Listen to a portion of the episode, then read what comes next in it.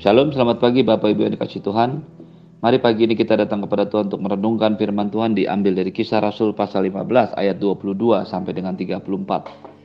Jawab kepada Antioquia. Maka rasul-rasul dan penatua-penatua beserta seluruh jemaat itu mengambil keputusan untuk memilih dari antara mereka beberapa orang bersama-sama dengan Paulus dan Barnabas untuk diutus ke Antioquia, yaitu Yudas yang disebut dengan Barnabas, Barsabas, dan Silas Keduanya adalah orang-orang yang terpandang di antara saudara-saudara itu. Kepada mereka diserahkan surat yang bunyinya salam dari rasul-rasul dan penatua-penatua dan dari saudara-saudaramu kepada saudara-saudara di Antioquia, Syria, dan Kilikia yang berasal dari bangsa-bangsa lain. Kami telah mendengar bahwa ada beberapa orang di antara kami yang tiada mendapat pesan dari kami, telah menggelisahkan dan menggoyangkan hatimu dengan ajaran mereka Sebab itu dengan bulat hati kami telah memutuskan untuk memilih dan mengutus beberapa orang kepada kamu bersama-sama dengan Barnabas dan Paulus yang kami kasihi, yaitu dua orang yang telah mempertaruhkan nyawanya karena nama Tuhan kita Yesus Kristus. Maka kami telah mengutus Yudas dan Silas yang dengan lisan akan menyampaikan pesan yang ditertulis ini juga kepada kamu. Sebab adalah keputusan roh kudus dan keputusan kami, supaya kepada kamu jangan ditanggungkan lebih banyak beban daripada yang perlu ini kamu harus menjauhkan diri dari makanan yang dipersembahkan kepada berhala, dari darah, dari daging binatang yang mati dicekik, dan dari percabulan. Jikalau kamu memelihara diri dari hal-hal ini, kamu berbuat baik. Sekianlah, selamat. Setelah berpamitan, Yudas dan Silas berangkat ke Antioquia. Di situ mereka memanggil seluruh jemaat berkumpul, lalu menyerahkan surat itu kepada mereka. Setelah membaca surat itu, jemaat bersuka cita karena isinya yang menghiburkan. Yudas dan Silas yang juga adalah nabi lama menasihati saudara-saudara itu dan menguatkan hati mereka. Dan sesudah beberapa waktu keduanya dilepas di situ. Saudara-saudara ini melepas mereka dalam damai untuk kembali kepada mereka yang mengutusnya. Tetapi Silas memutuskan untuk tinggal di situ. Bapak Ibu yang dikasih Tuhan, kita sudah belajar dari ayat-ayat sebelumnya. Keputusan yang diambil dalam sidang di Jerusalem terhadap permasalahan yang ada di Antioquia. Ketika beberapa orang Farisi pergi ke sana pergi ke Antioquia dan mengajarkan bahwa mereka harus disunat seperti orang-orang Yahudi lainnya. Paulus dan Barnabas akhirnya diutus oleh jemaat di Antioquia pergi ke Yerusalem untuk membahas tentang hal ini bersama dengan penatua-penatua rasul-rasul yang ada di Yerusalem.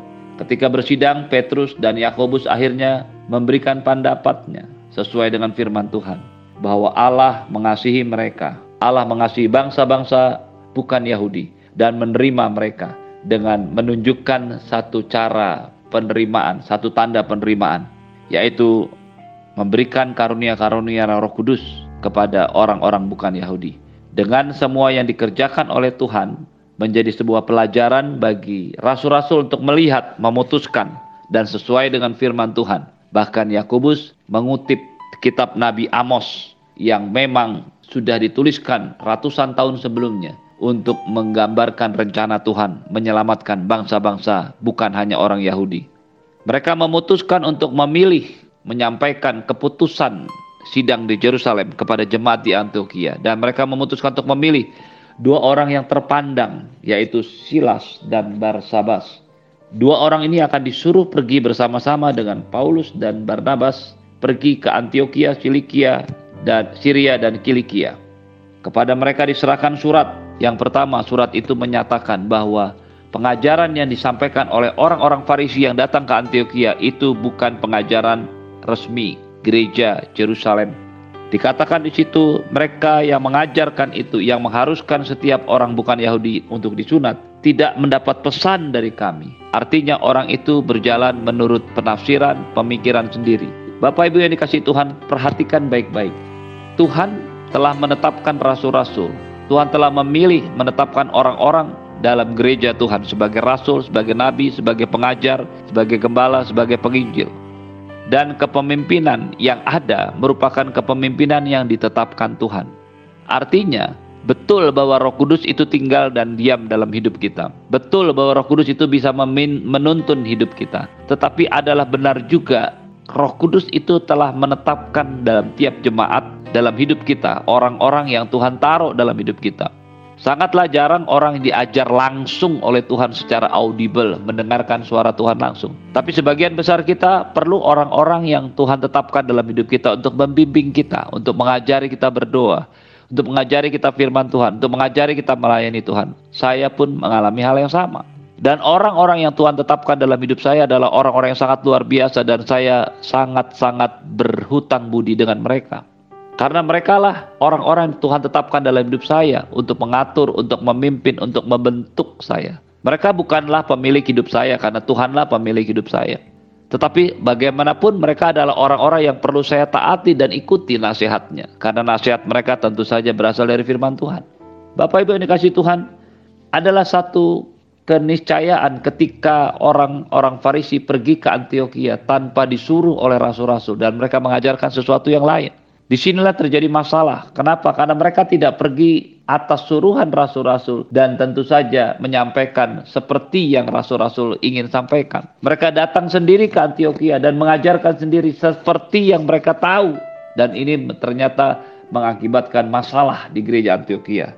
Ada kegelisahan, ada beberapa orang yang goyang imannya. Mengapa? Karena mereka percaya, orang-orang bukan Yahudi ini percaya bahwa mereka selamat hanya karena kasih karunia Tuhan bukan karena sunat, bukan karena perbuatan baik, tetapi ketika orang-orang Farisi dari Yerusalem datang dan mengajarkan demikian, tentu saja mereka menjadi bingung. Bapak Ibu yang dikasih Tuhan, kejadian ini terus berlangsung hingga pada masa kini. Ada orang-orang yang tidak jelas motifnya, ada orang-orang yang tidak jelas pengertiannya. Datang ke tengah-tengah gereja, datang ke tengah-tengah jemaat, dan mulai mengajarkan sesuatu yang berbeda dengan firman Tuhan. Perhatikan baik-baik, Bapak Ibu sekalian Tuhan telah menetapkan orang-orang dalam gereja. Saya tidak mengatakan bahwa di luar pendeta tidak boleh ada yang mengajar, tetapi orang-orang yang ada dalam gereja mereka harus mengajarkan ajaran yang sama seperti yang firman Tuhan katakan. Cara yang paling mudah adalah apakah yang mereka sampaikan? Yang pertama, sesuai dengan firman Tuhan. Yang kedua, apakah yang mereka sampaikan kepada Anda sesuatu yang menggelisahkan, membuat bimbang, membuat bingung? Karena mungkin ada nasihat, ada ajakan yang akhirnya membuat hidup kita, yang membuat hati kita bertambah sedih, bertambah marah, bertambah panas. Bapak Ibu yang dikasih Tuhan, Anda dan saya harus melihat dua hal ini. Yang pertama, apakah yang mereka ajarkan sesuai dengan firman Tuhan? Yang kedua, apakah dampak dari apa yang mereka ajarkan? Ketika Anda mendengar orang yang mengajarkan kepada Anda untuk berontak, ketika Anda mendengar orang mengajarkan kepada Anda untuk protes, Ketika Anda mendengarkan orang yang berbicara menjelek-jelekan tentang orang lain, itu bukanlah sesuatu yang Alkitab ajarkan kepada kita. Bahkan ketika ada orang yang mengajarkan kepada Anda untuk melanggar firman Tuhan, saya dengar ada satu orang yang berkata kepada saya, "Ya, saya dapat nasihat dari satu orang yang mengajarkan saya untuk menceraikan pasangan saya." Saya katakan kepada dia, "Bagaimana kamu bisa mendengar nasihat seperti itu?" Firman Tuhan bilang Tuhan membenci perceraian atas alasan apa pun. Artinya Bapak Ibu sekalian, kegelisahan masalah yang terjadi dengan pengajaran berasal dari orang-orang yang tidak diutus oleh rasul-rasul dalam hal ini orang-orang yang Tuhan tetapkan dalam gereja. Yang kedua, perhatikan baik-baik ajaran mereka dan akibat apa yang mereka ajarkan. Begitu kita menyadari ada sesuatu yang salah, segera hubungi, segera beritahukan pada orang-orang yang memang harus menentukan itu. Gembala-gembala, orang-orang hamba-hamba Tuhan yang memang punya hati yang murni dan tulus. Ketika akhirnya rasul-rasul di Yerusalem memutuskan memilih mereka orang yang menyampaikan keputusan mereka yang dipilih adalah orang-orang yang terpandang. Hal ini penting untuk menyatakan kepada jemaat di Antioquia, inilah orang-orang yang kami utus. Dan orang-orang yang kami utus adalah orang-orang yang memang terkenal baik, penuh roh, dan penuh iman. Itulah syarat bagi diaken, itulah syarat bagi Barnabas ketika dia diutus ke Antioquia. Hal ini tidak bisa dipenuhi oleh orang-orang yang datang dengan inisiatif sendiri. Ketika akhirnya Silas dan Yudas diutus ke Antioquia, mereka adalah mereka mengumpulkan jemaat dan kemudian menyampaikan keputusan itu. Perhatikan baik-baik apa yang dikatakan rasul-rasul dalam ayat 25. Sebab itu dengan bulat hati kami telah memutuskan untuk memilih dan mengutus beberapa orang kepada kamu bersama-sama dengan Barnabas dan Paulus yang akan kembali. Ayat 28 dia berkata begini. Sebab adalah keputusan Roh Kudus dan keputusan kami, supaya kepada kamu jangan ditanggungkan lebih banyak beban daripada yang perlu ini. Rasul-rasul mengatakan dengan jelas keputusan Roh Kudus dan keputusan kami. Saya suka dengan kalimat ini. Kalimat ini menempatkan rasul-rasul pada tempatnya. Mereka memang rasul, mereka memang orang yang ditetapkan Tuhan untuk memimpin gereja, tetapi mereka tetap tunduk kepada keputusan Roh Kudus. Mereka tidak berkata keputusan kami hasil rapat, hasil meeting, hasil diskusi, tapi mereka berkata ini adalah keputusan Roh Kudus. Dengan menyebutkan ini, ini adalah sebuah pengakuan tentang Roh Kudus adalah pemimpin dalam pelayanan. Roh Kuduslah motor dalam pelayanan. Roh Kuduslah yang utama dalam pelayanan. Bapak Ibu yang dikasih Tuhan, jangan pernah merasa kepintaranmu, latar belakang akademismu, pengalamanmu bisa diandalkan. Guru yang terbaik itu bukan pengalaman. Kalau ada orang mengatakan pengalaman adalah guru yang terbaik, saya mau mengatakan Yesuslah, Roh Kuduslah guru yang terbaik. Setiap keputusan yang ada dan saya ambil haruslah merupakan keputusan Roh Kudus dan tentu saja kita yang mengambil bagian untuk memutuskan untuk mengikuti keputusan Roh Kudus. Jangan pernah melangkah tanpa Roh Kudus. Musa berkata kepada Tuhan, "Jika engkau tidak melangkah bersama-sama dengan kami, aku tidak mau melangkah." Yesus sendiri berkata, "Tidak ada satupun yang aku katakan aku lakukan di luar kehendak Bapa." Kalau Yesus yang adalah anak Allah semasa hidup sebagai manusia mengatakan demikian, ada dan saya juga harus melakukan hal yang sama. Paulus dan Barnabas adalah orang-orang yang diutus ke Antioquia dan itulah yang dihargai oleh rasul-rasul. Itu sebabnya mereka mengatakan, kami akan mengutus bersama-sama Silas dan Barsabas bersama-sama dengan Paulus dan Barnabas dan rasul-rasul menghargai apa yang Tuhan lakukan, apa yang sudah dilakukan oleh Barnabas dan Paulus. Mereka memujinya, menyatakannya sebagai dua orang yang kami kasihi dan dua orang yang mempertaruhkan nyawanya. Bapak Ibu yang dikasih Tuhan, pengakuan dari rasul-rasul kepada jemaat di Antioquia akan membuat jemaat di Antioquia menyadari bahwa pemimpin yang mengajar mereka selama ini yaitu Paulus dan Barnabas adalah orang-orang yang memang juga diakui, dihargai oleh rasul-rasul gereja di Yerusalem. Dengan demikian, jika ada orang-orang yang mencoba membuat atau membuat orang-orang yang Tuhan tetapkan dalam hidupmu menjadi orang-orang yang tidak berguna, orang-orang yang bersalah, Anda dan saya harus berdoa karena seperti rasul-rasul mereka menghargai kepemimpinan, menghargai orang-orang yang Tuhan tetapkan dalam hidup mereka. Mereka menyampaikan pesan, tidak benar mereka harus disunat, tetapi mereka harus menjauhkan diri dari makanan yang dipersembahkan pada berhala, dari darah, dari daging binatang yang mati dicekik, dan dari percabulan. Keempat hal ini memang tidak boleh dilakukan. Kita tidak boleh makan makanan yang dipersembahkan pada berhala. Kita tidak boleh makan darah, kita tidak boleh makan daging binatang yang mati dicekik karena mengandung darah. Dan kita tidak boleh hidup dalam percabulan. Jika kamu memelihara hal-hal demikian, kamu berbuat baik.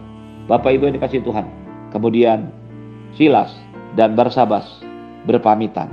Yudas dan Silas yang disebut dengan Barnabas, mereka berangkat, mereka berpamitan, lalu mereka harus kembali kepada jemaat di Jerusalem.